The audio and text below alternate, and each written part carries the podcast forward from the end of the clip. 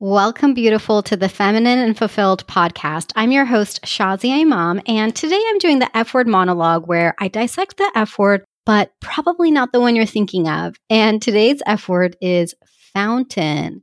Shout out to my dear friend Aisha for giving me the suggestion for this F word because I wanted to read a very special poem.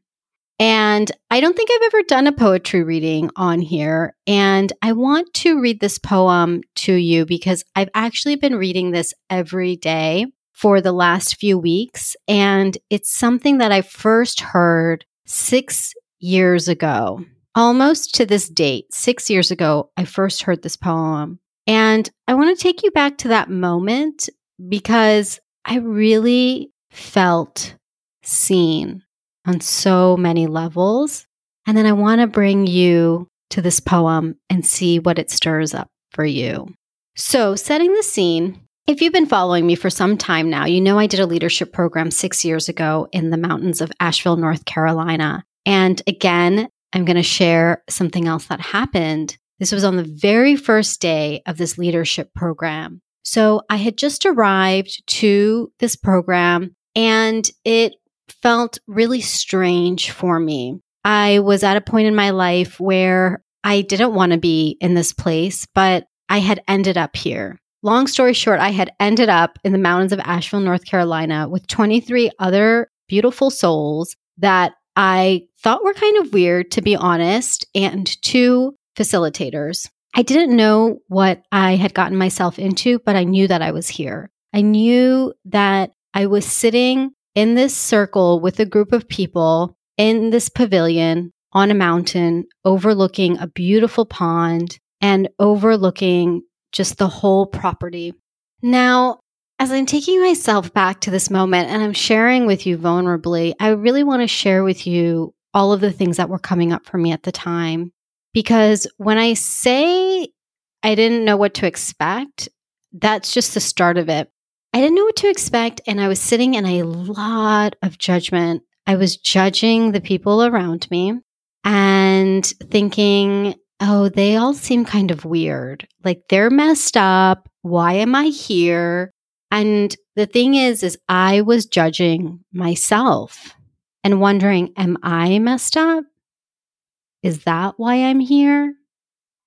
Because up until this point in my life, I had never really done anything outside of the box. I had only recently completed my coaching training, which was already a huge stretch for me.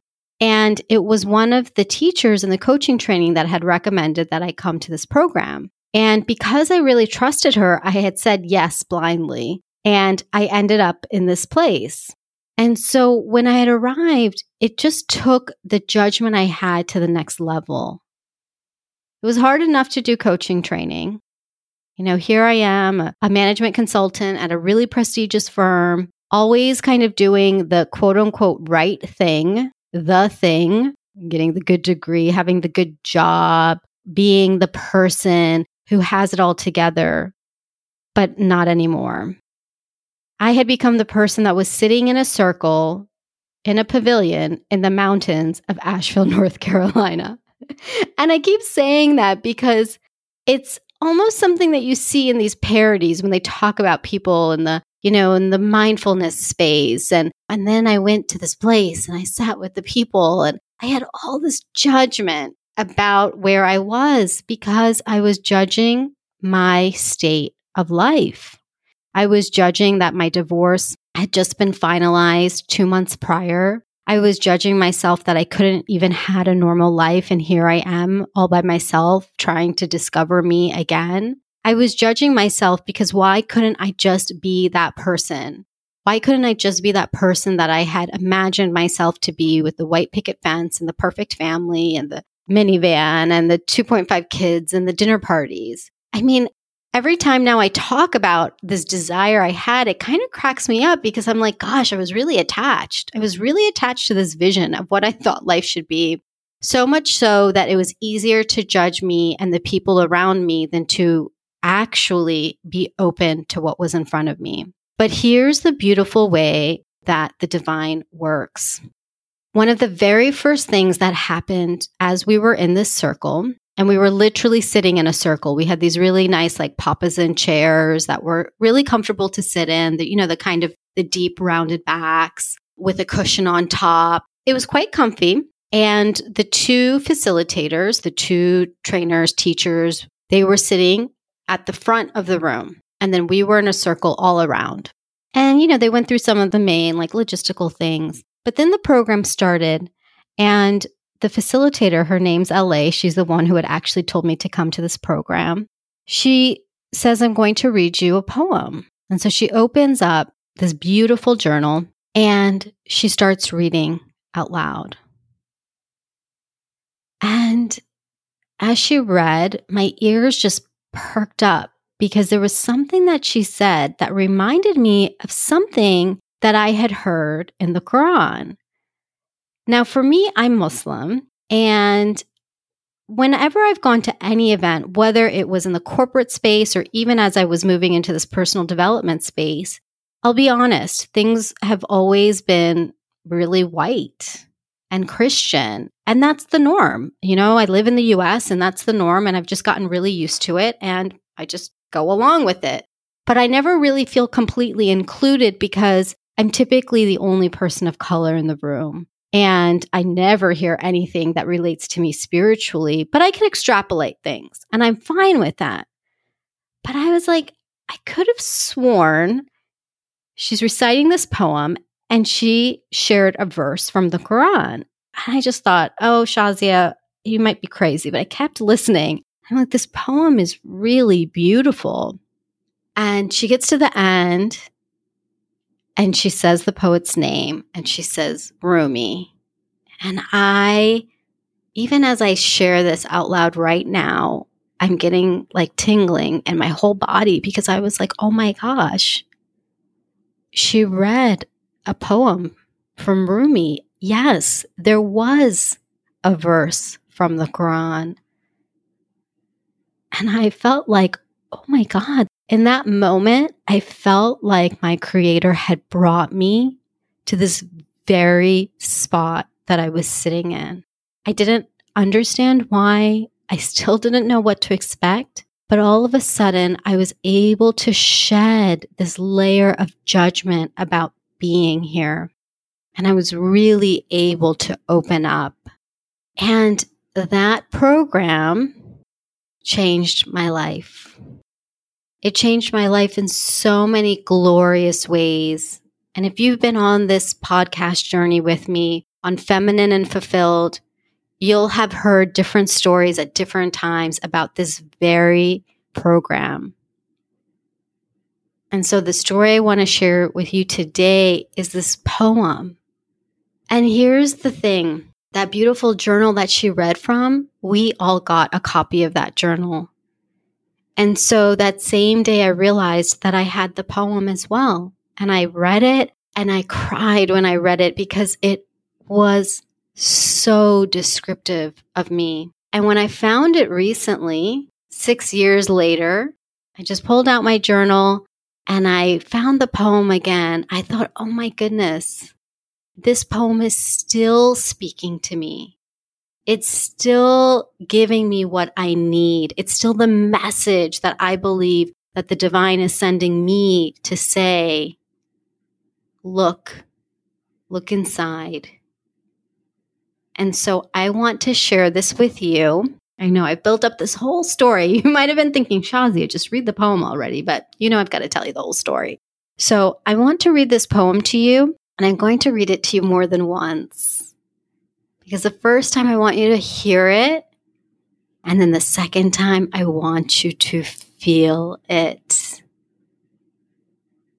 Oh my goodness. I'm so excited. I feel like I'm with you right now. And I'm like, just giddily next to you, being like, oh my God, I can't wait till you hear it. I can't wait till you hear it. okay, so here we go. The poem is called A Fresh Basket of Bread. The mystery of spiritual emptiness may be living in a pilgrim's heart, and yet the knowing of it may not be his. Wait for the illuminating openness as though your chest were filling with light, as when God said, Did we not expand you? Don't look for it outside yourself. You are the source of milk. Don't milk others. There is a milk fountain inside you. Don't walk around with an empty bucket. You have a channel into the ocean, and yet you ask for water from a little pool. Beg for that love expansion. Meditate only on that. There is a basket of fresh bread on your head, and yet you go from door to door asking for crusts. Knock on your inner door, no other. Sloshing knee deep in fresh river water, yet you keep wanting a drink from other people's water bags. Water is everywhere around you, but you see only barriers that keep you from water. Mad with thirst, you can't drink from the stream running so close by your face. You're like a pearl on the deep bottom, wandering inside your shell. Where's the ocean? Your mental questionings form the barrier. Your physical eyesight bandages your knowing. Self consciousness plugs your ears. Stay bewildered in God and only that. Those of you who are scattered, simplify your worrying lives. There is one righteousness. Water the fruit trees and don't water the thrones. Be generous to what nurtures the spirit and God's luminous reason light. Don't honor what causes dysentery and knotted up tumors. Don't feed both sides of yourself equally. The spirit and the body carry different loads and require different attentions. Too often we put saddlebags on Jesus and let the donkey run loose in the pasture. Don't make the body do what the spirit does best, and don't put a big load on the spirit that the body could carry easily. Rumi.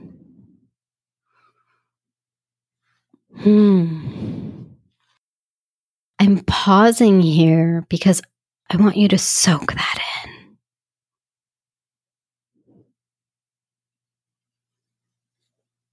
I'm still here. What came up for you? What line really stood out to you? I know for me, this one line where Rumi says, You're like a pearl on the deep bottom, wondering inside your shell, where's the ocean? This is me. And I imagine that this is you. And I love the imagery here the pearl, the pearl wondering, where's the ocean? And yet it's all around. And there's something just so beautiful about this. And recently I did an episode on fallacy and the fallacy that we have been led to believe up until now that there's something outside of us. And I'm going to say it again there's nothing outside of you, it's within you, it's always been in you. And I love how this poem really shares that on such a deep level and so many beautiful metaphors and analogies that Rumi has described to make us really understand that everything is right around us. And so I want to read the poem again to you because I want you to really feel the poem. I want you to stop what you're doing and really get present to what is being communicated to you because you are going to hear exactly what it is that you need to hear right now in your life you are going to hear the divine message that has been trying to come to you, probably in many forms. And maybe now is the exact moment that you are meant to hear it. So I want you to, in all love, just stop what you're doing, put people away, put things away. Don't be multitasking and allow yourself to really hear this. Just the same way as though you're sitting in that pavilion now you're sitting in a pavilion of your universe that you live in. And at the circle is this beautiful poem that is sending a divine message to you. So here we go a fresh basket of bread. The mystery of spiritual emptiness may be living in a pilgrim's heart, and yet the knowing of it may not be his. Wait for the illuminating openness as though your chest were filling with light, as when God said, Did we not expand you? Don't look for it outside yourself. You are the source of milk. Don't milk others. There is a milk fountain inside you. Don't walk around with an empty bucket. You have a channel into the ocean, and yet you ask for water from a little pool. Beg for that love expansion. Meditate only on that. There is a basket of fresh bread on your head, and yet you go from door to door asking for crusts. Knock on your inner door, no other. Sloshing knee deep in fresh river water, yet you keep wanting a drink from other people's water bags. Water is everywhere around you, but you see only barriers that keep you from water mad with thirst. You can't drink from the stream running so close by your face. You're like a pearl on the deep bottom, wandering inside your shell. Where's the ocean? Your mental questionings form the barrier. Your physical eyesight bandages your knowing. Self consciousness plugs your ears. Stay bewildered in God and only that. Those of you who are scattered, simplify your worrying lives. There is one righteousness. Water the fruit trees and don't water the thorns. Be generous to what nurtures the spirit and God's luminous reason light. Don't honor what causes dysentery and knotted up tumors. Don't feed both of your sides equally. The spirit and the body carry different loads and require different attentions. Too often we put saddlebags on Jesus and let the donkey run loose in the pasture. Don't make the body do what the spirit does best, and don't put a big load on the spirit that the body could carry easily. Rumi. Hmm. That is just for you, beautiful. What's the message that you heard? Soak that in because there's something, that divine message that was meant for you. You might even be thinking, "Oh my gosh, let me rewind. Let me make sure I heard it, all of it. Let me let me make sure." And it's no, no, no. You don't need to do all that. What you heard is exactly the message you were meant to hear. It might be a line or a verse that you think, "Ah, that's interesting. Why is that the one that stood out?" It's the one that stood out because it's what's meant for you. So I invite you to be really open to what message just came to you, to be really open to what it is that is trying to be transmitted to you if you're willing to be open and you're willing to listen. I believe in the moment that I first heard this poem back in the pavilion in the mountains of Asheville, North Carolina, with a group of strangers that I didn't know and thought were really weird and with the greatest stranger that I was sitting with within my own self at that moment. This is the poem. This is the message that allowed me to realize that I no longer had to be a stranger, that I got to know all of me, and that I was seen, and that I was exactly where I was supposed to be. And so there's something for you today. I don't know what it is. And I know it's divinely perfect for you. I know that it's meant for you. Yes, you. Not somebody else. Yes, you, beautiful. This is meant for you. And you know, I always want to hear, I always want to hear what's coming up. So you can always reach out to me at the life engineer dot com slash contact. Yes, I do read the notes that you send. And I'd love to hear what is it in this poem that you received? What's in your fountain? Bringing it back to our F word. What's in your milk fountain? What's in your fountain of all of the possibility of your life? I know we're talking about something so esoteric and so big and so maybe not tangible, and yet there's a part of you that feels it deeply. And that's what I want to hear about. So let me know what that message is at thelifeengineer.com slash contact.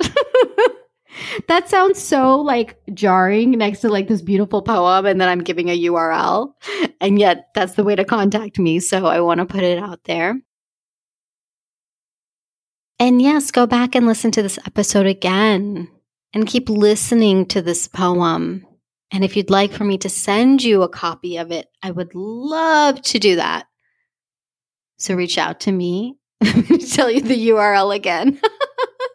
thelifeengineer.com slash contact. Let me know that you would like a copy of it and I'll be happy to send it over to you. Because you get to have this, you get to hear this. I've made it part of my daily routine. I read this every day. I keep the journal at my desk and I love opening it up. I love to read this poem and I love to be reminded that I have everything within me. I always had and I always will. And so do you, beautiful. Until next time, lie Lilas, love you like a sister.